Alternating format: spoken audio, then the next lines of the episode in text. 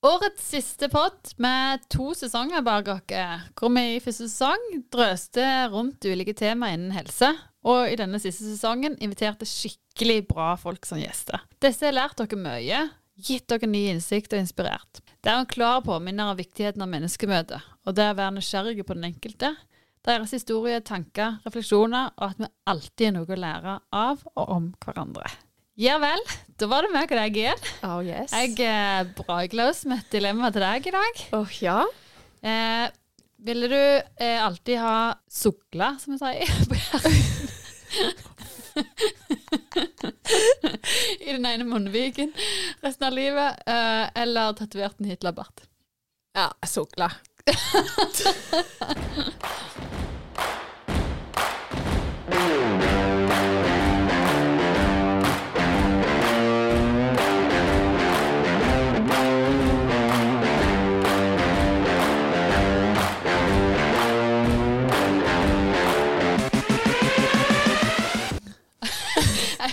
Få det sukla, sier jeg bare. Nå ser jeg for meg det jeg går rundt med sånn sukkel her i sida. Mm, ja, deilig. Ja, ja. Jeg setter det litt bedre enn Hitlerbart. Ja, det hadde vært litt drøyt, tror jeg. Når det er sagt, så var jeg sist uke Det var Før vi skulle på sponsortreff, så satt jeg i, så jeg kjørte. Og så ser jeg meg sjøl liksom i speilet og jeg bare sånn Shit, Lene. Jeg er faktisk bart, og jeg går jo til barten. så- Eller voksing av overleppe, heter det. Ja. Men eh, det var på høy tid, for å si det sånn. Ja, ja, ja. Det, Lav eh, vintersol, eh, så Da kommer det fram. kan ikke sminke vekk heller. Åh, Da var det meg og deg igjen. Det er jo mest litt uvant. Ja, men vi har jo vært meg og deg hele tida, da. Vi har jo bare hatt meg og noen andre. Ja, så, ja, men nå er vi i fokus, da. Ja, ja, at jeg Ja. sitter og ser på deg. Det er Ja. det jeg mener. Det er så koselig å se hverandre inn i øynene igjen. Ja, det, er, det er kos. Det har vært, vært en vanvittig kjekk sesong. Ja, det eh, og litt sånn uvant å være eh, altså, en programlederrolle, eller hva skal vi si, sånn intervju, eller altså, den der flyten med, med en gjest. At vi har jo hatt skikkelig, skikkelig bra gjester og gode historier. Det ble jo mye bedre enn vi kunne forestilt dere. Ja, det har vært skikkelig, skikkelig bra. Og litt sånn, vi var litt sånn OK, hva type folk skal vi få inn? Og det å lete fram litt sånn gull på Jæren og bli nysgjerrige på dem og få lov til å bare få et innblikk i livet, jeg syns det har vært helt magisk. Men jeg er jo nysgjerrig på folk. Ja. ja, det er vi begge. Det er, Jeg er sikkert også i overkant nysgjerrig. det var ganske kult med å være personlig trener. At da får jeg liksom stå og, og grave og være liksom en del av folk sitt liv. da. Så det er litt den der tilbake, at du får den der litt end til end. Det er klart det er litt annerledes når folk må rett på, på live her. Ja, det er si. sikkert litt mer når du sitter på podkast enn på NTN med PT. Det er, det er litt mer intimt. det er jo det. Men vi har fått allikevel mye sånne ærlige, gode eh, samtaler. Ja, det har vært mange, mange ting som har gjort inntrykk. Hva er det du sitter igjen med? Det er jo litt, jeg sitter igjen med litt forskjellige ting for forskjellige folk. Ja, for vi har hatt veldig forskjellige altså det, det var ganske sånn bredt spekter av både livsfase og type folk, da. Ja, det er jo det jeg syns har vært vilt spennende òg. Og det var jo det vi prøvde å få til når vi skulle invitere folk inn. Men vi, vi kjente jo ikke folka så veldig godt. Vi var bare sånn En ordfører, en barnehageleder, ikke det nå lenger, da. En tidligere fotballspiller, en som jobber innenfor eh, media eller reklame eller film, skuespillerbransjen, da, eh, generelt. Eh, ja, det var vært vilt sånn Ei som skrev bok og starta veldedig organisasjon, og så en komiker. Der var hun egentlig ganske spente på. Fordi det de andre kjenner enten meg eller deg lite grann. Mm. Eller jeg ja, ja, kjenner, kjenner. Men iallfall eh, Er sånn bøtt flere ganger, da. Eh, og så er det da Hans Morten på slutten her, som Ja. jeg ikke kjente i det hele tatt. eller Nei, og jeg kjente jeg angsta litt for Ja, det. For det at jeg er jo en person som Jeg vil ikke si at jeg er så veldig morsom, men jeg lærer veldig mye av meg sjøl. Eh, og grudde meg vilt til hvordan snakker du med en sånne folk, sånne folk som bare løgner hele tida. Men eh, han, det var en dritkjekk pod å spille inn. For Ja, han var var bare så Han var så fin fyr. Og det ble så avslappa. Jeg følte vi Jeg tenkte ikke over engang at vi spilte i en podkast, så jeg ble bare sånn Jeg satt liksom på, på tuppen av stolen der og bare Å, jeg er så nysgjerrig på hvem du er. Og nei, det var bare sånn fin samtale. Og så er det jo noe med at Jeg vet ikke om jeg kan si at han, han er jo en kjendisstatus. sant? At eh, hvordan vi plutselig blir litt mer eh, nervøse på det. Og så får du jo oppdage det som alle vet, at det er jo bare mennesker, alle mann, uansett hva tittel eller rolle eller posisjon de i samfunnet, da. Mm. Og det syns jeg jo også med eh, Jeg tror ordførerne òg, at jeg var litt sånn uh. Ja. Jeg har veldig respekt for autoriteter og eh, ja, altså sånne hva skal jeg si, roller der de har ganske mye innflytelse. Mm. Eh, så der òg får du bare møte en mann som er liksom nedpå og så ufattelig reflekterte og stødige i en rolle der han sitter som leder for uh, flere tusen. Ja, jeg syns, jeg syns det, var, det var veldig sånn kult å høre hans historie. Og det som han sier med at han ville være jeg det var sånn, Målet var 70% ute blant folk, ikke være så mye inne på kontoret, 30% på kontoret. Og det jeg syns har vært så kult, fordi at det, de lederne som jeg syns har vært bra, er jo folk som er flinke å lytte. Og det at eh, Time kommune har en sånn ordfører, jeg tenker det er, det er unikt. Det er bra. Jeg tror det er jo mange, jeg tipper nok det er mange ordførere som har den samme målsettingen. Men jeg opplever, jeg ser jo at han er mye ute i media, og virkelig lever det som han har tenkt, eller ja, som han har lyst til å gjøre. da. Ja, for han var jo en av de som jeg ikke kjente på forhånd, men jeg har jo liksom sett han på M44 på Bryne, der han står og selvfølgelig har valgkampanje, da, men liksom hei, hei, og er der. Og så har jeg jo møtt han på trening. Eh, så og bare fortelle en historie der, at når det var covid, så fikk eh, vi som drev treningssenter på Bryne, muligheten til å at Vi var i møte med ordføreren sjøl. Eh, der vi kunne forklare og på en måte forsvare hvilke tiltak vi gjorde eh, under covid for å kunne holde åpent treningssenteret. Så det betyr at alle, alle i Nord-Jæren av treningssenter ble stengt ned, unntatt Sats Bryne i den tida da. Eller unntatt Bryne sine treningssenter. Skal jeg ikke snakke for Sats i seg selv. Alle treningssentre på Bryne. På Jæren generelt var det jo veldig lite nedstenginger.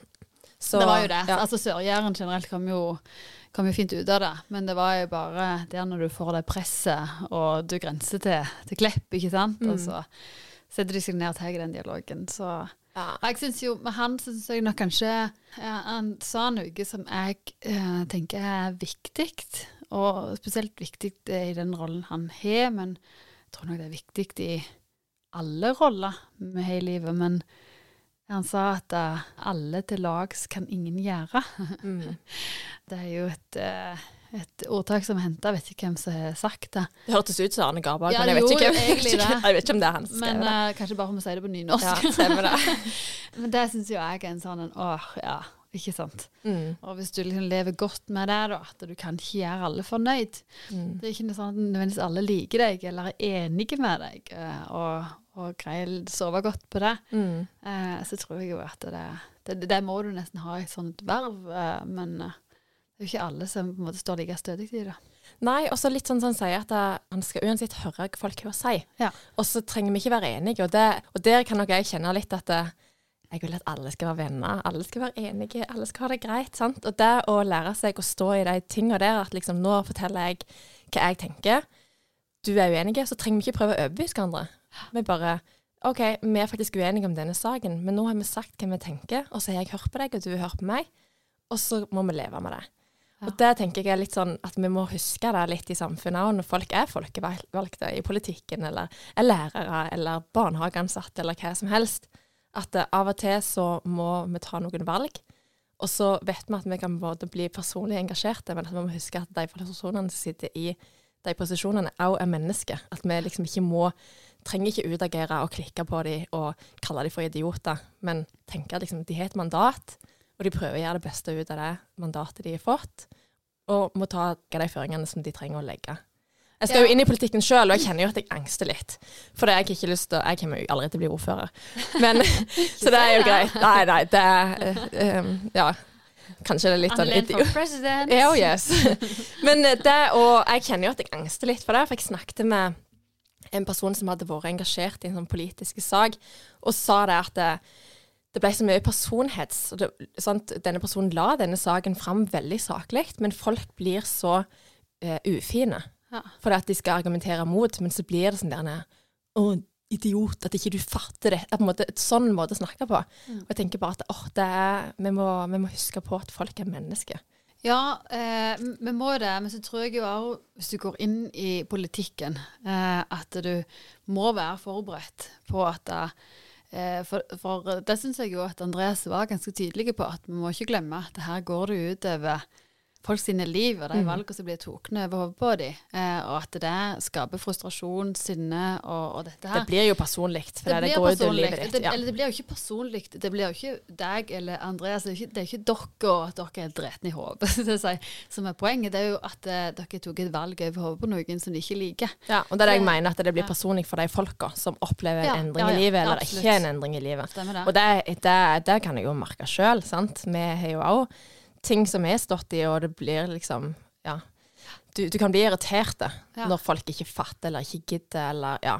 jeg kan tenke jo nå når det liksom snører seg til med økonomien for folk, for det er det ikke noe tvil om, så er det klart at når det begynner å eh, gå massivt ut over livskvaliteten din eller eh, familien din, sant? at du Mm. må det gå på Det, det oppleves som en type angrep, eh, fordi at det er noe som forsvinner i, livet til folk. Eh, om det, det var støtte eller ordninger som har vært eh, livsviktige. Mm. Sant? Som handler om de prioriteringene som vi gjør med, med mm, statlige eller kommunale midler. Eh, så, så jeg kan liksom Og der syns jeg jo han var veldig sånn Veldig klar over at eh, det vil være eh, Det vil jo være eh, frustrerte folk. Mm. Og så er det jo selvfølgelig at det må være grenser for hvordan du oppfører deg når du er misfornøyd, da, selv om at det, det er personlig. Mm, ja, og det var det jeg syns var veldig fint med han, at han virka at det takla det veldig bra, og veldig Absolutt. inspirerende å se det. At, og det så jeg på han òg når han sa det, at liksom Det går fint. Eh, det må du faktisk bare tåle. Og så må du bare prøve å se folka bak det. At det, det ikke nødvendigvis handler om deg som person, men din rolle som ordfører, og at du får den frustrasjonen av folk. Så nei, veldig, veldig kul, eh, kul fyr. Ja. Og jeg tenker mange ledere og andre folk har mye å lære av han. Ja, definitivt. Det er det. Så syns jeg òg, eh, når vi er inne på det i forhold til å liksom stå stødig i, i valg, og eh, vi hadde jo en annen eh, kvinnelig leder eh, Mm. her, eh, som har vært kvinnelig leder eh, hele livet. Og jeg syns òg eh, det var Og det var jo et, et møte som vi fikk en del tilbakemeldinger på. Det var jo Tanja. Ja. Eh, Tanja Tanja, hun Altså, jeg syns jo bare det at altså, Hvem har vi ikke møtt som har kanskje en vanskelig altså, Det er veldig mange som har opplevd noe vondt i livet. Og så har jeg sett de som graver seg ned i det, med all respekt. Og så er det òg de som De igjen det der at det er, det er også et valg om hvordan du lever livet ditt videre når du møter noe tøft. Mm. Det betyr ikke at det ikke er tøffe prosesser og ting som du må på en måte stå i og, og bearbeide. Men så er det igjen der hva du gjør ut av de dagene du får videre, da. Mm, ja. Det syns jeg er veldig inspirerende med Tanja, hva hun har Hvordan hun på en måte har snudd en, en vanskelig situasjon, en veldig vanskelig situasjon i livet, Mm. til å bare leve fullt ut. Og bare gjøre det hun Altså stått veldig sånn trygt i verdiene. Jeg tok med meg, For hun tok faktisk med meg dette. jeg må innrømme at jeg er jo ikke ei som reiser på mye jenteturer. Og altså, jeg prøvde liksom å tenke over hvorfor eh, Altså, jeg, jeg verken Jeg blir vel kanskje ikke invitert på så mye jenteturer heller, for jeg har aldri Jeg har vært med på parturer, ikke sant, så jeg er jo den jenta. Men eh, så er jeg nok også litt sånn at jeg trenger de der pausene. At jeg kan synes det blir for intenst å Mm. være i lag med folk i tre-fire dager. Og så syns jeg, da hun sier det sånn som hun gjorde, at det, for jeg syns jo det er kjempegilt å være med venninnene mine, men jeg trenger de der pausene. Og så har jeg liksom aldri tenkt over at herregud, jeg kan jo si Du, jeg trenger to timer pause i dag. og så er det greit. I'm out er of here! Yes. Selvfølgelig er det greit, liksom. Mm. Eh, så jeg syns bare det var en sånn kul ting på hvordan du er så klar over hvor, eh, hvor det tappes, Mm. og hva du må ha for å ha det bra. Mm. Jeg er liksom heller sånn at da, det er klart, jeg har vært på tur med mye folk mange ganger over tre-fire dager, altså. Men eh, jeg har likevel vært kanskje i så store grupper at det er mer naturlig at du kan trekke deg unna. Mm. For det, det kjenner jeg jo at jeg må gjøre. Så det var en sånn en Ja, Tanja, med meg og mannen òg, han òg hørte episoden, eller han hører jo alle, da. Han må jo det. Og vi hadde en skikkelig fin samtale etter, etter den episoden. Og det var sånn vi bare går og snakker om OK, hvordan har vi det egentlig? Hva betyr mest i vårt liv? Vi fikk liksom, starta litt sånne prosesser. For det, det var så fascinerende å møte ei dame som bare Jeg eh, lever akkurat sånn som jeg vil. fins ikke stress i livet mitt. Og jeg var bare sånn Går det an? Går det, går det virkelig an? Altså, sitter hun og lyver, liksom? Går det an å ikke ha stress i livet? Og så når jeg hører på en måte hvordan du snakker, og hva valg du tar, og hvor bevisst du er, jeg tenker jo det kommer jo sikkert med et levd liv, sant? Men vi har bare tatt noen sånne prosesser. OK, har vi det bra? Hva er viktig i livet vårt? Og ser, hvordan ser det ut? Viser det igjen i prioriteringen vår? Og da snakket vi akkurat om det. Men jeg savner så sinnssykt sånn i småbarnsperioden. Jeg føler jo den har vart i de sju åra jeg har hatt unge, så blir liksom tatt til de der sosiale settingene der at jeg syns det er tiltak, for jeg er så sliten. Eller sånn. Det, det, krever så mye i forkant. Og så vet jeg når jeg først bare kommer meg av gårde på de jenteturene, så er det bare så kjekt. Og jeg hadde en sånn tur i vår. Og så, så sier jeg liksom det at bare sånn, åh, fy sånn, det, det betydde så mye. Dette året her var bare et skikkelig høydepunkt. For det at vi bare trente og koste oss i lag og gikk turer og åt god mat og snakket og snakket og snakket. Og det bare var så kjekt. Og så sa jeg at det, det, det, må vi prioritere. Hvordan skal vi få til det? Så sitter vi sånn praktisk. OK, sånn og sånn og sånn skal vi gjøre. En gang i halvåret så skal du ha en sånn en tur til Kristiansand. En gang sånn, Så lar vi en plan, da. Og det syns jeg er så når vi, når vi, setter i gang sånne prosesser, blir inspirert av Tanja, liksom, det syns jeg er helt gull. Og da tok mannen og inviterte tre venninner, eller fire venninner fra videregående på overraskelsesselskap når jeg fylte året. Og jeg er sånn, han har ikke gjort så lenge vi var gift, altså. Ja, det er ganske gøy. Så jeg eh, Og jeg stokk, og jeg ble så Jeg begynte jo å grine. Jeg var helt satt ut, for det var bare så Det var en sånn fine ting, og jeg tror ikke han hadde gjort det hvis ikke vi hadde hatt den samtalen. For det han bare Å, fytti, dette betyr mye for Anne-Len. Så det var skikkelig fint. Ja, men det, ja, det er det jeg tenker at uh, Hun er jo definitivt ei som du jeg, jeg, tror det er mange som uh, jeg snakket i etterkant, som lærte mye av den episoden om det det der å virkelig leve, eh, og hva mm. du legger i det. Og altså, ikke tenke at det er egoistisk å ta vare på seg sjøl og sine eh, de ting som er viktige for at du skal ha det bra. For hvis mm. du er det bra, så er de rundt deg òg det bra. Ikke sant? At du setter deg litt på førsteplass. Mm. Altså, nei, det var veldig, veldig fine prat. Det, det syns jeg.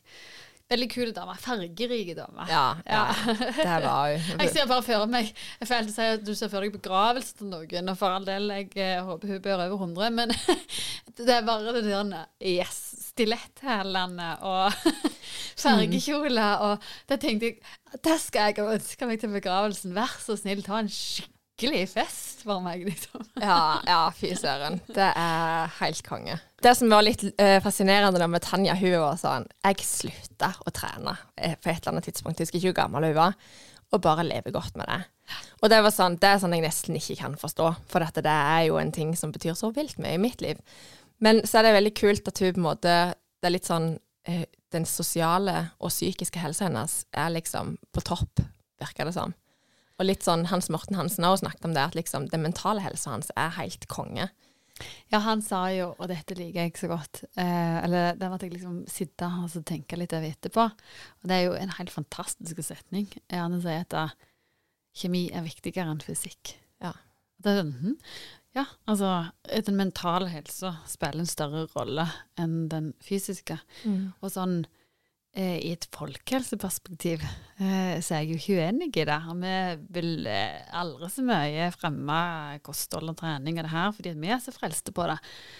Så syns jeg jo spesielt de to gjestene der minner både oss og andre på det. er en av grunnene til at vi syns det er litt viktig med de kontrastene. At mm.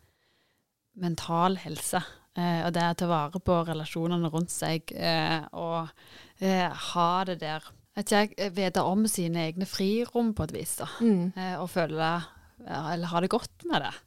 Finne, finne roen. Jeg, jeg, ikke, jeg, finner ikke de rette ordene her, men vi må virkelig ikke undervurdere eh, det, Jeg føler vi har sagt det mange ganger, da, men det her med mental helse, mm. eh, det er noe som eh, Jeg vet ikke om det er dette året eller om det er alle år, bare dette året her så syns jeg jo at det, jeg har fått høre mer selvmord, og jeg, jeg, kjenner at det går skikkelig inn på meg eh, mm. nå. At mm. ok, noen har hatt det så mørkt. Mm. Og hva det handler om, og hvordan vi kan gjøre dette bedre, og hva, vi, hva som liksom må til på et samfunnsnivå for at vi skal unngå dette. Mm. Eh, og der igjen videre på Brikt, Eh, eh, det skal sies at uh, Brikt sin episode er kanskje den som har vært aller aller mest tilbakemeldinger på.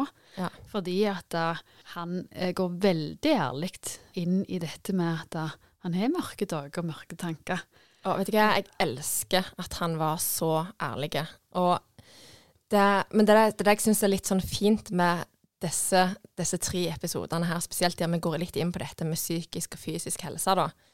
Der eh, vi snakker veldig mye om mental helse, vi snakker om sosiale eh, relasjoner. Og så snakker vi om trening, eller fysisk helse, da. Og du finner liksom balansen der, for han var så Han var mørkt nede. Så ble trening medisinen. Og så er det litt sånn Jeg tror jo at folk forstår at det er ikke det at liksom Hvis du trener, så har du det dritbra. For du trenger alle tre.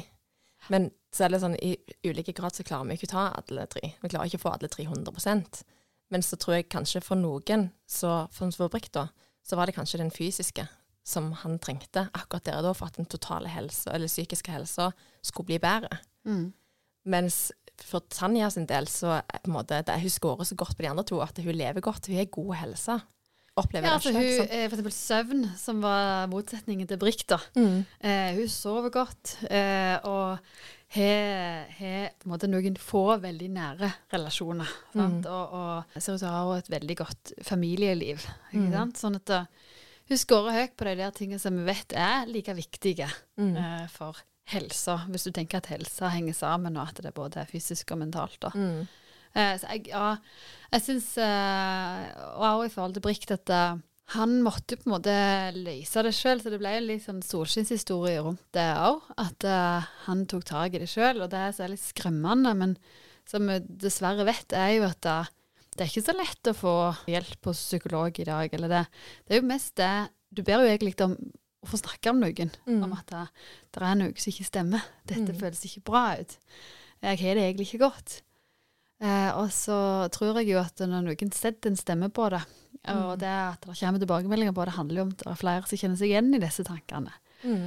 Og så kan vi si at da, de tankene er jo normale, er vel kanskje ikke det rette ordet, men at de er ikke uvanlige, da. Ganske mange som har det sånn. Og så er det litt sånn som han også setter ord på at ja, men har du lyst til å ta livet ditt? Det var liksom det første spørsmålet. Bare, nei, OK, da går det seg nok til. Ja. Og litt sånn det å tenke at det, kanskje Nå fikk jo han på en måte ordna seg, måte, eller det gikk greit med Han klarte å ta tak i det sjøl. Men jeg tror at det kanskje av og til dette med relasjoner, da. og får noen som du faktisk kan få snakke med, om det er en psykolog, eller om det er en nær venn, eller hva det er, og få lov til å bare sette ord på de følelsene her. Jeg tror det er så viktig. Og det er da det kommer til den sosiale biten igjen. At uh, jeg tror kanskje du kan trene så mye du vil, du kan ha så god fysisk helse, men hvis du på en måte mangler den, hvis den, den der eh, fysiske helsa di hvis den blir liksom satt så høyt at du på en måte det skorter på de andre, så tror jeg ikke nødvendigvis at du har ei god og total helse. Fordi at du på en måte mangler noe viktig i livet. Nei, det er jo i hvilken grad de selvfølgelig påvirker hverandre. Mm. Det, og hver enkelt må jo definere eh, hvordan de har det bra. Mm. Og det som sier at eh, det å sitte med og liksom Jeg kjenner at jeg, altså jeg innrømmer jo glatt at 90% av treninga jeg legger ned, den legger jeg ned for hodet mitt. Eh, mm. Eh, fordi at jeg er en mye bedre versjon av meg sjøl. Mm. Jeg er mer tålmodig, jeg er blidere, jeg er generelt mer fornøyd når jeg er trent. Det handler null om hvordan jeg skal se ut i bikini. Det handler mm. bare om at det er en ventil for meg. Ja. Sånn at da, Eh, og det er en ventil for disse tankene. Mm. Så de, de, henger jo litt i hop, da. At jeg eh, ventilerer i hodet mitt når jeg er på trening. Mm. Eh, og så, så, har du liksom fått bearbeida litt ting, og så kommer du til omgivelsene med litt andre kort, da. Ja, ja. Jeg, eh, hvis dette det røyner på og jeg egentlig bjeffer og smeller hjemme, så er det bare ut og gå deg en tur, og så kommer jeg tilbake igjen. Så har jeg på en måte fått sortert litt. Ja. Og jeg tenker jo at det, dette med helse, det er litt, egentlig litt det du var litt inne på. At det, det, er så individuelt hvordan det ser ut. Og det er det jeg tenker mange tror at hvis de bare kopierer treningsprogrammet til en person, så vil jeg bli sånn som den personen. Men det, er et komplekst liv. Og du kan trene sikkert likt som den personen, eller du kan ha så mange venner eller så lite venner som den, men det er ikke sikkert du, det er på en måte fasiten for deg. Og det er litt sånn vi snakker om ekstrovert og introvert. Jeg syns det er kult at vi tok de tingene litt i episodene. For det at jeg, sånn som du sa på jentetur, at du hadde trengt pause, jeg er jo helt motsatt. Ja. Jeg kan jo sitte og snakke på innpust og utpust og liksom komme hjem og bare Jeg kan være sliten, for det, det er jo mye inntrykk. Men jeg er så fullt opp i sjela mi. Og det er jo litt sånn viktig å ta med, at noen kan reise på jentetur etter jentetur for de ser masse innlegg og tenker at det er sånn vi skal gjøre det, men så er det sånn Men det er gjerne ikke rett. For det at du, du trenger noe annet. Mm, ja, eh, ja, absolutt. Og for meg så var jo det en nyttig innsikt i og med at dette var jeg jo egentlig ikke klar over før egentlig noen uker inn i innspillinga. Eh, når vi snakket med Tanja, så hadde vi vel tatt den testen samme uke. Mm. Eh, sånn at jeg ikke sjøl greide å sette helt ord på hva som gjør at jeg liksom er helt fullstendig utmatta når jeg har vært mye i lag med folk. Og da liksom OK. Tok testen bare som Du er 100% introvert. Og så kan jeg det er ikke helt uh, korrekt Nei, sånn, nei, jeg tar ikke det med en klype salt, men om jeg skulle være 86 da, Ja. så er det fortsatt at jeg er dominerende Sterkt. på Mm. at jeg trenger energi, eller jeg får ikke energi av folk. Mm. Og det er litt sånn rare ting som jeg å si hjemme òg, men det har jeg jo eh, sagt høyt at det, jeg får jo ikke på en måte Altså, jeg, jeg gjør dette, da. Jeg går, når jeg kommer hjem fra jobb, og det er kanskje liksom kokt litt her, så kommer jeg hjem, og så elsker jeg å møte familien min. Mm. Men så har mannen min lært seg til at jeg pleier å si sånn eh, Du, er det greit jeg går og tar en dusj? Krever lang dusj. Så jeg var sånn Ja, men eh, bare ikke dusj hele tida. så, så han vet at det var det bare jeg. Så trekker jeg meg litt grann, sånn 15 minutter inn i skallet mitt, og så bare summer hodet. Altså det er sånn eh, ganske dyre introverttid du trenger altså, i disse strømkriser. Ja, jeg driter i den strømmen, altså. Så altså, Nei, guri land. Jeg vet ikke om det er lov Gi å si meg den dusjen. Gi meg den dusjen. Den er for min mentale helse. Så det er en billig investering i mental helse. altså. Godt poeng. Uh, nei, så det, det gjør jeg. Men det er jo veldig Jeg, synes, jeg blir jo aldri lei av å lære både om andre og om meg sjøl, fordi Mm. egentlig så lærer jeg jo mye om meg sjøl i møte med andre. Mm. Både av de, og så syns jeg det er så spennende hvis jeg sitter og snakker med de og bare Åh, det var lurt tenkt, liksom. Eller å, så behagelig liksom, de svarte på det. Eller Altså, jeg syns jo òg med Ida Jeg ble jo helt sånn Jeg ble skikkelig sånn rørt inni meg av å tenke på at uh, her snakker vi i vei om uh, den ene eller andre, at vi syns synd på dem. At det er mange som står i vanskelige situasjoner. Og der tar jeg hun og bare gjør noe med det. Hun starter en veldedig organisasjon og lager et daghjem i, i Guatemala. Mm. Jeg syns det er helt, det er helt vill historie. Ja, og litt sånn det der perspektivet som hun har, at liksom, du kan ikke hjelpe alle, men du kan hjelpe noen. Ja. Og at det, liksom, det blir den ene, og liksom den ene personen som fikk den ene operasjonen, og så får den et helt nytt liv. ja. Det er litt sånn, det, er, det tenker jeg er så fint å ta med seg, for det virker så uoversiktlig, og det virker så altoppslukende å hjelpe. Liksom, det, Vi klarer aldri å bli kvitt fattigdom, men det er sånn, det er en veldig sånn billig unnskyldning. Så, og hun, det- ja, det hun er jo en duer. Det syns Ja. jeg er kult. Ja, det, jeg mener at det er så, mye, så mange som snakker om det. Og det, jeg fikk en, en uh, veldig fin melding fra min mor etter denne podkasten. Og da hadde hun vært og uh, kjøpt på utstyr og hadde pakket ned noen varmeklær Uh, og vært og handla inn en del, og så levert til de som skal ned til Ukraina. Ja. Så skrev hun under 'Ingen kan hjelpe alle, alle kan hjelpe noen'. Så jeg bare åh. Åh, Ja, men det var eh, fint. altså, jeg tror bare vi får en påminner om akkurat det. Mm. Det trenger ikke være de store tinga. Det vil jeg bare skyte inn at da, eh, ifra, i januar så samler vi inn reflekser her på Varhaug IL. Og det skal ned til Ukraina. Så har dere liggende noen reflekser dere ikke bruker, refleksvester, hva det måtte være, eller har bare lyst til å, å turnere, eh, så, så samler vi inn det. Og jeg tror liksom vi prøver å, å, å holde liksom, Det er mange ting som trengs, men akkurat det er en ting som trengs vanvittig mye Ja. Så. Mm, det var veldig bra å få Mm. den ut. Det som jeg også tenker, siden du nevnte Ida, det som jeg sitter litt igjen med med hun, er jo det at hun sier at når hun var liten, så ble hun dratt med på turistforeningshytte, og vennene reiste til Syden, og hun syntes det var litt sånn kjipt. Mens nå i voksen alder, så bare kjenner hun at å, fy søren, så fint det var. Så mange gode minner, og alle de folka de har møtt, og alle de turene har vi fått opplevd, og bare nå vil jeg gi det videre til sine unger. Og det kjente jeg var som den fine påminner på liksom, når du drar med deg ungene på ting, eller når du gjør ting som på en måte er litt sånn kjipt. Av og til, eller som regel er det de, de øyeblikkene der, at når du ser tilbake, så er det sånn åh, jeg er så glad for deg, for der lærte jeg så mye, og det var, det var skikkelig fint. Og det, ja, det, det syns jeg var inspirerende. Det har jo blitt eh, Jeg vet ikke om det er jeg som opplever det liksom voksende. Det er kanskje i forbindelse med sånn eh, trending på Instagram, dette med friluftsliv og, og gjøre mer av det, selv om jeg tror at eh, vi i Norge har vært generelt ganske flinke. Eh, så tenker jeg at du gir jo en gave eh, til, til ungene dine med å ta de, og så la de få oppleve friluft. Og andre verdier, da. Mm. Eh, og sånn som vi snakket Ida om òg, at jeg syns bare liksom, du tar vekk med det sånn, med det liksom materialistiske og tilgjengelige samfunnet rundt deg. Du bare er litt sånn fri Mm. når du er ute.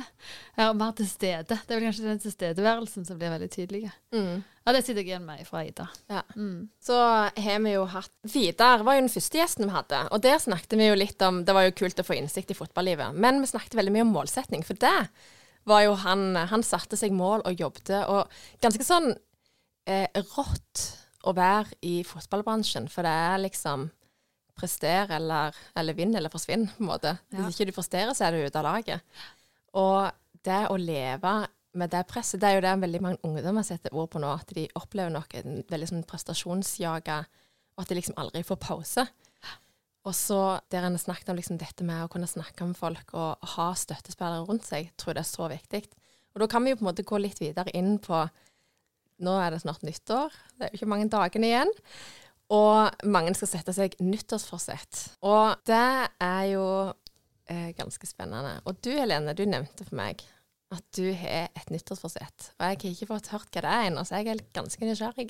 Ja, det var øh, vi drodde litt om dette med nyttårsforsett. Eh, jeg er jo litt sånn eh, Alle syns det er blitt en sånn klisjégreie med dette nyttårsforsett. Men jeg er jo en sånn type som jeg sitter alltid og gleder meg liksom mest til romjula og rolige dager. Skal ha noen timer inni der uten unger. Eh, det er bare Vi sitter og gjør klar årshjul for neste år. Jeg elsker årshjul.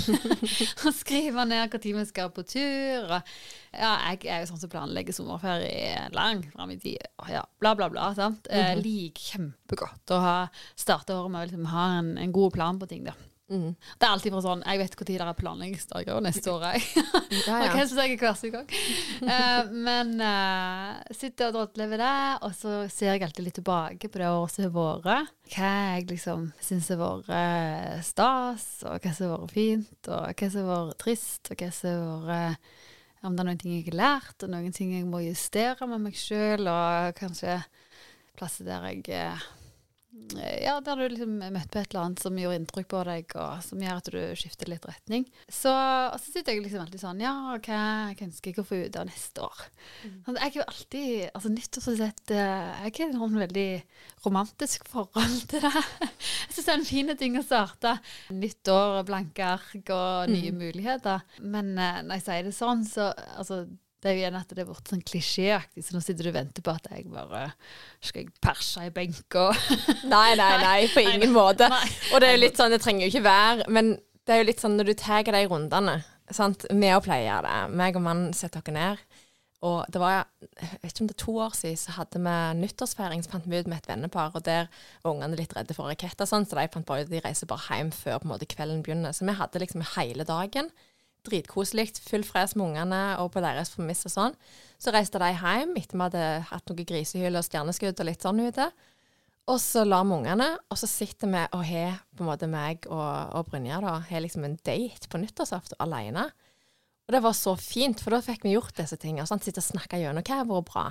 Hva har vært høydene? Hva har vi lyst til å gjøre mer av? Og så da litt sånn som du sier, du, du reflekterer rundt OK, men er det, er det noe jeg skal forandre retning på? Og da tenker jeg sånn Jeg skal begynne å trene tre ganger i uka hvis du ikke har trent én gang. Så er det sånn Kanskje det er måte, Vi må liksom Det der målet der, det vet jeg ikke helt om jeg har tro på. Men det er så å liksom bare en liten retningsforandring mot noe som du kjenner dette er faktisk litt viktig for meg. Jeg tror det er så bra å ha en sånn dag der du på en måte du snur bunka, det er blanke ark. Nå har du verden eller året for dine føtter. Så ja. Ja, ja jeg har på en måte et sånn et eh, Jeg har et sånn et eh, som jeg vil ha overordna for 2023. Men det jeg vil si litt om det som du nevnte der, eh, det er at vi også setter dere ned i romjula, og da er det jo den der parforhold-delen, da, mm. som handler om om oss. Hva er det bare mest irriterende med meg i år? Eh, Topp ti irriterende ting. ja, hva, og hva har du, hva lært? Når har du vært mest stolt av meg? Altså, sånn, Der har vi noen sånn, med ti sånne eh, faste spørsmål. Mm. Så jeg skriver ned i ei bok. Eh, og vi har jo ikke vært sammen i ti år her, sånn, så dette her er jo en, en, en, en forholdsvis ny, eh, ny greie. Vi har gjort det de to siste år, og skal selvfølgelig gjøre det i år. Så det er jo Det var fint. Det, ja, Veldig godt tips. og, altså, det, er ikke et, eh, det er ikke noe jeg har funnet på sjøl. det er noe jeg hørte av ei som eh, det var, De skulle feire eh, bryllupsdag. Og så fortalte om det. Hver bryllupsdag så setter de seg ned, og så gjør de dette. Oi. Har på en måte faste spørsmål, og så eh, tar de den.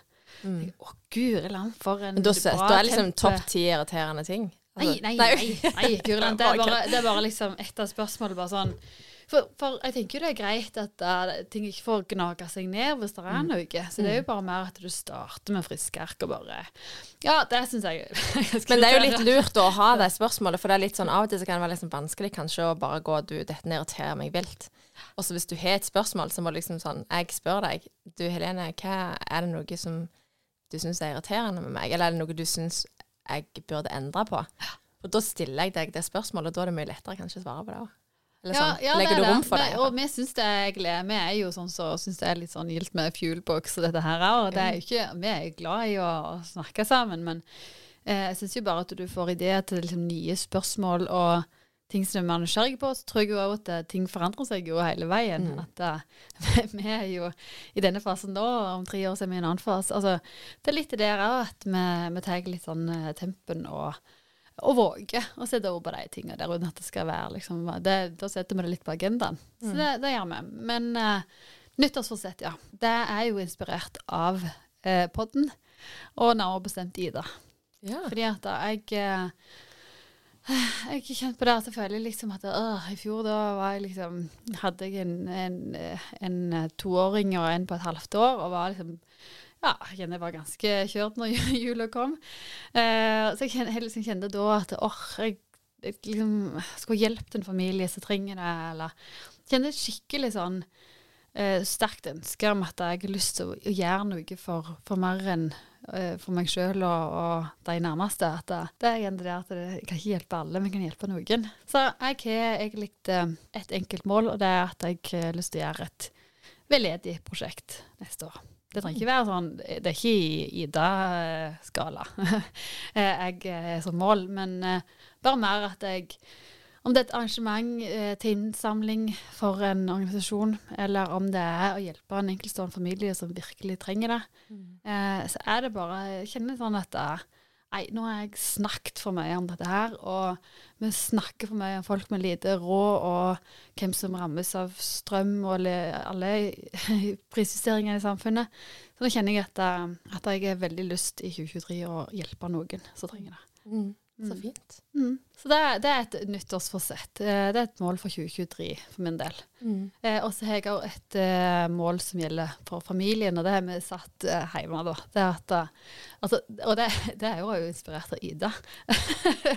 det er jo For jeg syns jo de Og vi har et, et vennepar òg som bare tok med seg baby på noen måneder på telttur og lå i grapahuk, og jeg syns jo synes det er helt vilt eh, å se på. For det, jeg ser meg selv som et friluftsmenneske og kjempeglad i natur og være ute. Men det der liksom, det er en bake for meg, det der å ligge i telt med ungene. At jeg, eh, jeg vil kanskje ikke ha hatt sånn ekstremt mange gode nett siden jeg fikk unger. så da sitter jo det enda lenger inne og bare kjøre på meg skikkelig dritnatt i de teltene. Mm, stemmer det.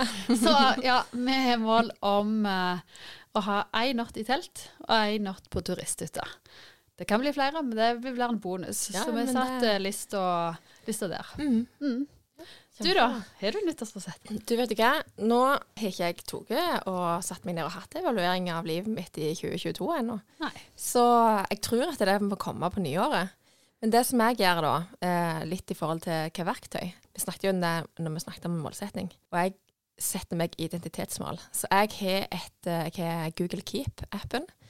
Og der har jeg dokument fra mange år tilbake Oi. som jeg skriver Jeg er en person som Og så skriver jeg ned ting som jeg gjør. Den personen ønsker jeg. Det er ikke alltid at jeg gjør det, men det er på en måte det jeg liksom jobber for. Og så er jeg en person som ikke Og så skriver jeg ned. Så den går jeg inn og evaluerer. Så jeg begynte litt her tidligere og bare leste litt hva jeg hadde skrevet i fjor. Og bare sånn og da skriver jeg, da er det ikke sånn at jeg bare skriver ned alle ting som jeg skal endre. Da skriver jeg, når jeg skriver 'jeg er en person som', så skriver, der står det f.eks. ei linje der det står 'trene regelmessig'. Ja. Eh, og eh, ja, det står mange andre ting òg, men det, den, den lista skal jeg gå gjennom. Så jeg har liksom ikke tatt den runden ennå, så Nei, nei, derfor kult. blir det på nyåret. Ja, ja, men det er ikke, det er ikke nyttår ennå. Nei, det er ikke det. seg, det, det, om du gjør det da eller da, det er jo bare mer det der at da, jo, du åpner nye kalendersider og Mm. skriver nytt kalenderår. Sant? Og det, eh, det er noe med det. Jeg syns det var veldig fint. Og det, men det er jo en måte å sette det litt sånne overordna mål. Det er identitetsmål. Ja. Mm, så Så kaller det for identitetsmål. Ja. ja, det er det jeg kaller det for. Så Ja. er liksom noen, eh, sånn som du har to konkrete mål med én overnatting og eh, i telt og en på turisthytta. Sånn, det kan du på en måte sjekke av. Men så kan jo på en måte kanskje identitetsmålet da være jeg er en person som elsker friluftsliv, eller ja. Bare fordi at du skaper den identiteten, og så er det et resultat av telturene Teltturene kan komme på rekker av deg, men nå i år så er det kanskje bare én overnatting. Men du er fortsatt en person som elsker friluftsliv. Så Da, da tenker du egentlig sånn en eh, Hva det blir kvalitativ Nei. Jo, kvalitativ, hvis vi skal kjøre det språket. Mm. Eh, evaluering. Det er ikke liksom direkte målbare ting, men mer en sånn din skala av at dette eh, Mm. At der, Det er- du at du ja. var det bedre. dette, dette kan jeg faktisk si ja på. Ja, ja. Mm, litt sånn. Fordi at jeg tror jo at det er mange ganger Mange ganger når f.eks. for eksempel hvis du setter deg et mål at du skal springe et maraton, så tenker jeg jo Hva skjer etterpå? Det er jo liksom Jeg er en person som elsker å springe. Jeg er en person som springer regelmessig. Hvis du har det som mål, så kan maratonet være et, et mål på veien. Og det tror jeg Jeg tror det er lurt å sette seg mål, men at det kanskje har et sånn overordna mål. Hvem er det jeg ønsker å være? Hvem er det jeg er? Og så bekrefte treningene dine. Hver eneste gang du er springer, så bekrefter det. Ja, vet du hva, jeg er en person som springer regelmessig. Ja. Og så nå skal jeg søren springe maraton i tillegg. Det er kult. Ja. Men når du har sånn eh, jeg, eh, jeg liker jo lister, men jeg liker jo andre sine lister. Du er elsker jo konkrete mål òg, da. Ja, det gjør jeg. Eh, men jeg liker, jeg liker sånne type lister. Og så er kjenner jeg jo veldig nysgjerrig på de lister. Eller jeg er jo generelt nysgjerrig på det meste folk tenker. Men hva er du på ikke-lista? Hva vil du ikke være? Eh, en ting som jeg skrev eh, dette året Jeg skriver jo ikke, eller jeg tror ikke jeg vil dele alt som jeg har skrevet, men jeg har skrevet jeg er en person som ikke drikker noe. Hvordan går det med deg? Og det, nei, for det, når jeg sa det at jeg skulle sitte og drikke, så gjorde jeg jo det i lange tider. Jeg tror jeg hadde en halv en dag jeg hadde vært oppe hele natta og var litt sånn Jeg tar ikke dette i plassen for Paracet-greie, men det var liksom ikke Jeg kjente ikke at jeg kom på kjøret igjen. Men eh, jeg eh, Jeg har nok på en måte vært Det er litt sånn som folk slutter å snuse, eller sier at de skal slutte å snuse. Så tror jeg ikke at noen får det til. For jeg føler alle ryker. Eller sånn, det går så lenge det går, Ja, nå har jeg vært snusfri i tre måneder, og så er det sånn, ser jeg det måneden etterpå, så er det bare hvor mange snuser de kan stappe innpå i løpet av en kveld. Så jeg var litt sånn Uff, jeg skal ikke være en sånn person. Og det var derfor jeg har ikke skrevet dette med Noco. Det sa jo jeg bare på podden. Men jeg hadde ikke skrevet det på lista mi. Så når jeg skrev det, det er faktisk ikke så veldig lenge siden. Det var nå jeg begynte å evaluere for noen få uker siden. Og så kjente jeg bare sånn Vet du hva? Det er egentlig så deilig å bare skrive det ned. Og bare Jeg er faktisk en person som ikke drikker noe fra 1. januar. Og jeg har det til mannen òg. Hvis jeg gjør det Nå er det slutt. Ja.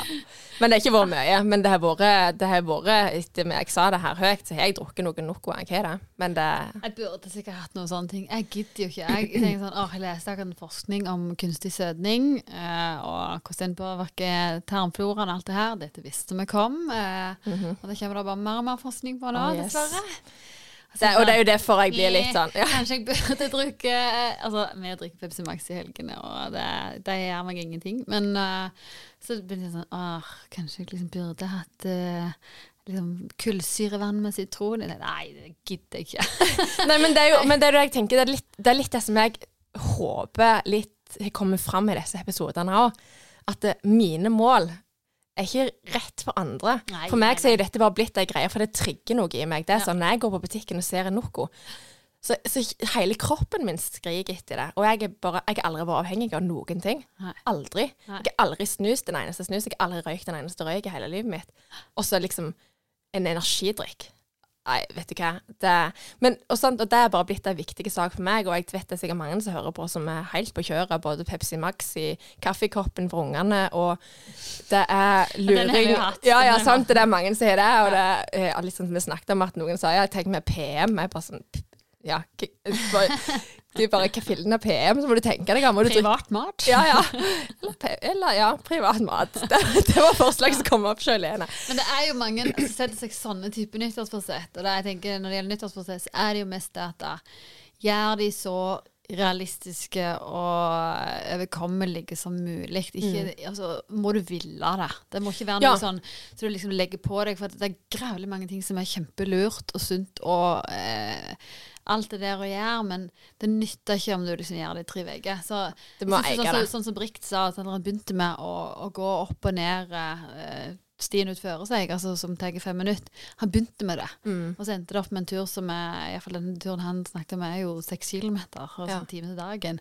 Så jeg, jeg tenker at du lager det veldig mer overkommelig for deg sjøl. Mm. Så må alle begynne en plass. At det det er det det handler om. Og det må ikke, altså Så lenge du er på en måte ja, 10 forbedring av det du gjør akkurat nå, så er det jo bedre, men du må ville det. Det må ikke være noe du gjør for, Mm. for andre enn deg sjøl. Da må det liksom Du må stikke litt, da. Det bør ikke være et sånn burdemål. Nei. Det, det bør være et sånn 'dette skal jeg'-mål. Og det er litt det det har kommet liksom, Det er derfor jeg er litt sånn at jeg må ta den evalueringa. For liksom, det er ikke veldig ofte når vi har sittet og snakket sammen, meg og mannen, så er det litt sånn vi gir ikke noe klapp på skuldra, og søren heller. Vi får til veldig mye av det vi ønsker å få til i livet. Ja. Og så har vi hatt sånn åh, dette, det var ett år med, når vi, vi har jo ei jente med spesielle behov. Og det året hun fikk diagnosen, altså jeg sov jo nesten ingenting. Det var helt krise. Jeg var sykemeldt nesten et halvt år. Og da tok vi så vilt lite bilde. Så det året der snakket vi om at det, det neste året må vi ta mer bilder. Altså så banalt og så enkelt. Ja. For å bare minne oss sjøl på OK, det er for det er det vi ønsker å ha minne i livet. Og da var det viktig for oss, for vi så at shit, vi er jo dritlite. Så det trenger liksom ikke være så vilt stort, men det bør være noe. Det bør ikke være 'jeg burde trent', 'jeg burde slutte å røyke', 'jeg burde ditt og datt'. Bare 'nå er det nok'. Nå er jeg klar for å gjøre noe. Og så begynner vi i det små. Men altså, så tenker jeg jo også at uh, nyttårsforsett Altså, det er jo ikke sånn at alle må ha det. Nei. Eh, Du kan jo eh, Jeg syns jo det er en sånn fin ting som du liksom gjør i en organisasjon eller bedrift eller altså, så så jobben din òg, så kan du også gjøre hjemme at du tar en evaluering av, av året og hva jeg er liksom fornøyd med. Og så, ja, jeg syns det funker bra, det vi gjør. Eh, Vi Mm. fortsetter den, eh, den linja der så er det godt, da. Ja, det tenker tenker jeg så også. Det, det funker liksom å gjøre det du, det du gjør så lenge det funker for deg. Mm. Eh, så eh, Og jeg tror jo kanskje det er litt av eh, poenget, da. At Mm. Heller mer evalueringa enn målsettinga, nødvendigvis. Ja. Mm. og så kan det godt være det kommer målsetting ut av evalueringa, men jeg tror det er mange som ikke tar evaluering. Hvorfor, hvorfor er jeg her? Nullstille litt. Ja, Ja. bare Ja, OK, men er det noe jeg, hvis, hvis jeg er misfornøyd med der jeg er, er det noe jeg kan gjøre? Hvor kan jeg begynne? Og hvis, du, hvis du er fornøyd med der du er, konge. Men du, eh, vi kjører faste spørsmål på oss sjøl til slutt. Yep. Morgenvaner.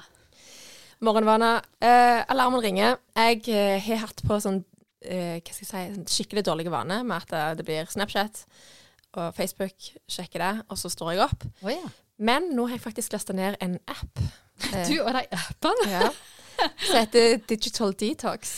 Og da har jeg satt på sånn der en sperre at jeg ikke kan åpne verken Instagram, Facebook eller Snapchat mellom eh, klokka seks og åtte. I Så- tilfelle du får noen sånne stygge kommentarer. Nei, nei. Det er helt bare fordi jeg ikke skal starte dagen min med sosiale medier. Og det er helt magisk. Helt magisk. Mm. Cool. Mm, du, da? Um, to ting. Mm. Smoothie. Eh, og den smoothien den har jeg uh, hatt uh, like, vil jeg sagt, de siste fire åra. Fem år, kanskje. Med små variasjoner. Nei, ikke variasjoner engang. Faktisk er akkurat det samme. Uh, og så kaffe. Ja. Og han jeg lever med, han vet at de er ganske, ganske avgjørende for en god start på dagen. Og det kanskje får meg Gi en smoothien og kaffen, så er Helene opp og nikker. Yes. Mhm. Veldig bra. Neste spørsmål er hva ville du tatt med deg hvis du hadde endt opp på ei øde øy? Ja, nå har vi fått tid til å tenke litt på den, da, siden vi har jo stilt den til alle. Så jeg likte jo godt den der med kaffe til Hans Morten, men så måtte jeg liksom gruble litt. Og så tenker jeg utgangspunkt i at det er sikkert vann, og at jeg eh, sikkert finne mat. og sånt. Men eh, Så da vil jeg jeg tenkte sånn, Hvis jeg skal være veldig praktisk, så må jeg jo si en kniv. Men uh, jeg tenker at det er et eller annet sånn skarpe gjenstander, så da tar jeg ei vill tjukk bok. Ja. For det, jeg har ikke lest ei, ei, jeg har ikke lest ei tjukk bok på. Skal jeg si hvilken bok du bør lese, da? For jeg holder på å lese den nå. Jeg tror jeg har 150 sider igjen. Shantaram. Han er over 900 sider. Skal huske det hvis jeg kommer på Ødøy. Ja. Du, da? Ja, nei, altså jeg syns dette er ganske vanskelig å svare på. For det at eh, nå når alle har sagt båt, så er det liksom bare det som tenker det er det eneste logiske. Eh, men hvis jeg liksom tenker at jeg skal være der, at jeg kan ikke gå vekk, så tenker jeg at det hadde nok tatt en myggnetting. For jeg er ikke glad i myggstikk, og ikke glad i kakerlakker og alle sånne ekle ting som finnes på Jødøy. Så myggnetting. Jeg ser for meg du går rundt med den myggnettingen på deg hele dagen. eller? Nei, nei, bare på natta. Ja, ja, på dagen når du blir stukken da òg. Nei, nei, nei. Det er jo når det begynner å bli sånn skumring og mørkt at myggen kommer. Å ja. Mm. Ja, ja, det kan du sant. jeg ser jo helt oppspist ut når jeg kommer fra de fleste land. Ja, ja. Eh, men eh, ja vel. Eh, og så er det da guilty pleasures. Vet du hva, Dette spørsmålet her har jeg faktisk tenkt på når vi har hatt gjester inne. Og jeg har prøvd å finne det ut. liksom, Har jeg noen ting som jeg kjenner at jeg har liksom, dårlig samvittighet for at det er en vane som jeg har som jeg har dårlig samvittighet over, eller noe sånt. Men jeg kommer liksom ikke på noen ting som er liksom guilty.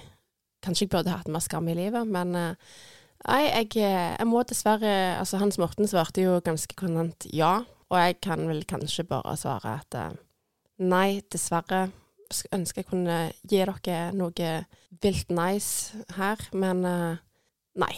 Du, da? Uh, nei, uh, jeg Siden det liksom er en guilty, uh, så elsker jo jeg Real Housewife of Beverly Hills, Mm. OC. Og nå er jeg vel på Miami, så jeg gir meg litt eh, drama, fine biler, fine kjoler, alt det der overfladiske livet. så, så slapper jeg godt av. Ja. Mm. Ja. Eh, helseråd, da. Jeg føler jo at vi dekket den ganske greit, men eh, gjør den kort, du. Le høyt. Ja. I lag med andre. Jeg eh, tenkte Jeg gjentar vel kanskje en av gjestene, da, men eh, jeg eh, syns jo likte at det der med å ta oksygenmasker på seg sjøl for andre Altså, du må, du må tilrettelegge sånn at du har det du har det godt, for da har de det rundt deg godt. Mm. Og så har vi jo òg tatt hva du vil bli huska for. Mm, det har vi jo snakket om, da. da. tok den i, i introen. Jeg bare tenkte det at uh, liksom utdypa litt den der at det er altså, sånn litt sånn klisjé der igjen òg, men uh, at jeg ønsker at det skal liksom ha gjort en forskjell. Eh, Og det, det står jeg jo fortsatt for. Men eh, jeg tenker at det, det er nok viktigere for meg å ha gjort en stor forskjell for noen mennesker, Mm. enn å ha blitt likt av alle. Mm. Det er nok litt mer autentisk med sånn jeg lever, at eh, jeg, eh, jeg vil liksom heller at noen skal synes at jeg er skikkelig bra, og eh, at jeg er på en måte en personlighet som ikke nødvendigvis alle liker. Og det er jo greit. Og at det er, og så er noen som liker det veldig godt. At Mm. den, det, det, det, jeg, det vil jeg at folk skal si igjen med etter meg. Mm. Mm. Du da? Jeg føler jo jeg har svar på den, ja. Men uh, jeg jeg var i to begravelser dette siste halvåret til folk som har vært veldig sånn uh, viktige opp gjennom oppveksten min, Mm. Uh, og du sitter jo på en måte alltid og reflekterer litt etter begravelser, på en måte hvem du er som person og sånn. Mm. Og så kjenner jeg bare at det, oh, det, er så, det er så fint å høre folk si hvor mye folk betydde i livet, og liksom du bare tar det gode med deg. Og det er litt sånn som jeg sa i første episoden av introen, bare Jeg bare håper at folk sitter igjen med at fy søren, hun ville meg vel, og hun så meg. Og så er det sånn som du sier, du kan ikke gjøre det med alle, men de som betyr noe i livet mitt, håper jeg at det er det de sitter igjen med. At det sitter noen igjen der som du virkelig har gjort en forskjell for. Ja. Eller som sitter langt, langt inn i hjertet og vil alltid gjøre det. Mm. Nydelig. Du, da, da har vi Jeg er ikke så god i engelsk, men jeg skal prøve å si rappa det opp. Ja, det klarte du fint. Gjorde jeg det? OK. Men uh, gjenstår å ønske alle et uh, riktig godt nytt år. Mm. Ta vare på dere sjøl og de rundt dere. Uh, og så håper vi at uh, vi snakkes eller lyttes igjen til neste år. Vi kjører jo på med sesong tre. Oh yes. Det Ja. blir gøy. Og hvis det er noen som har tips til gjester, historier, som hadde vært kjekt å ha på podden, så tar, vi- tar vi veldig, veldig gjerne imot tips. Mm. Ja, det, det derne gode, gode historiene og ærligheten. Jeg tror det er viktig å, å, å snakke om, eh, om, om ting, men også altså, igjen de historiene som inspirerer. Mm. Mm. Veldig, veldig kjekt. Godt nyttår. Godt nyttår.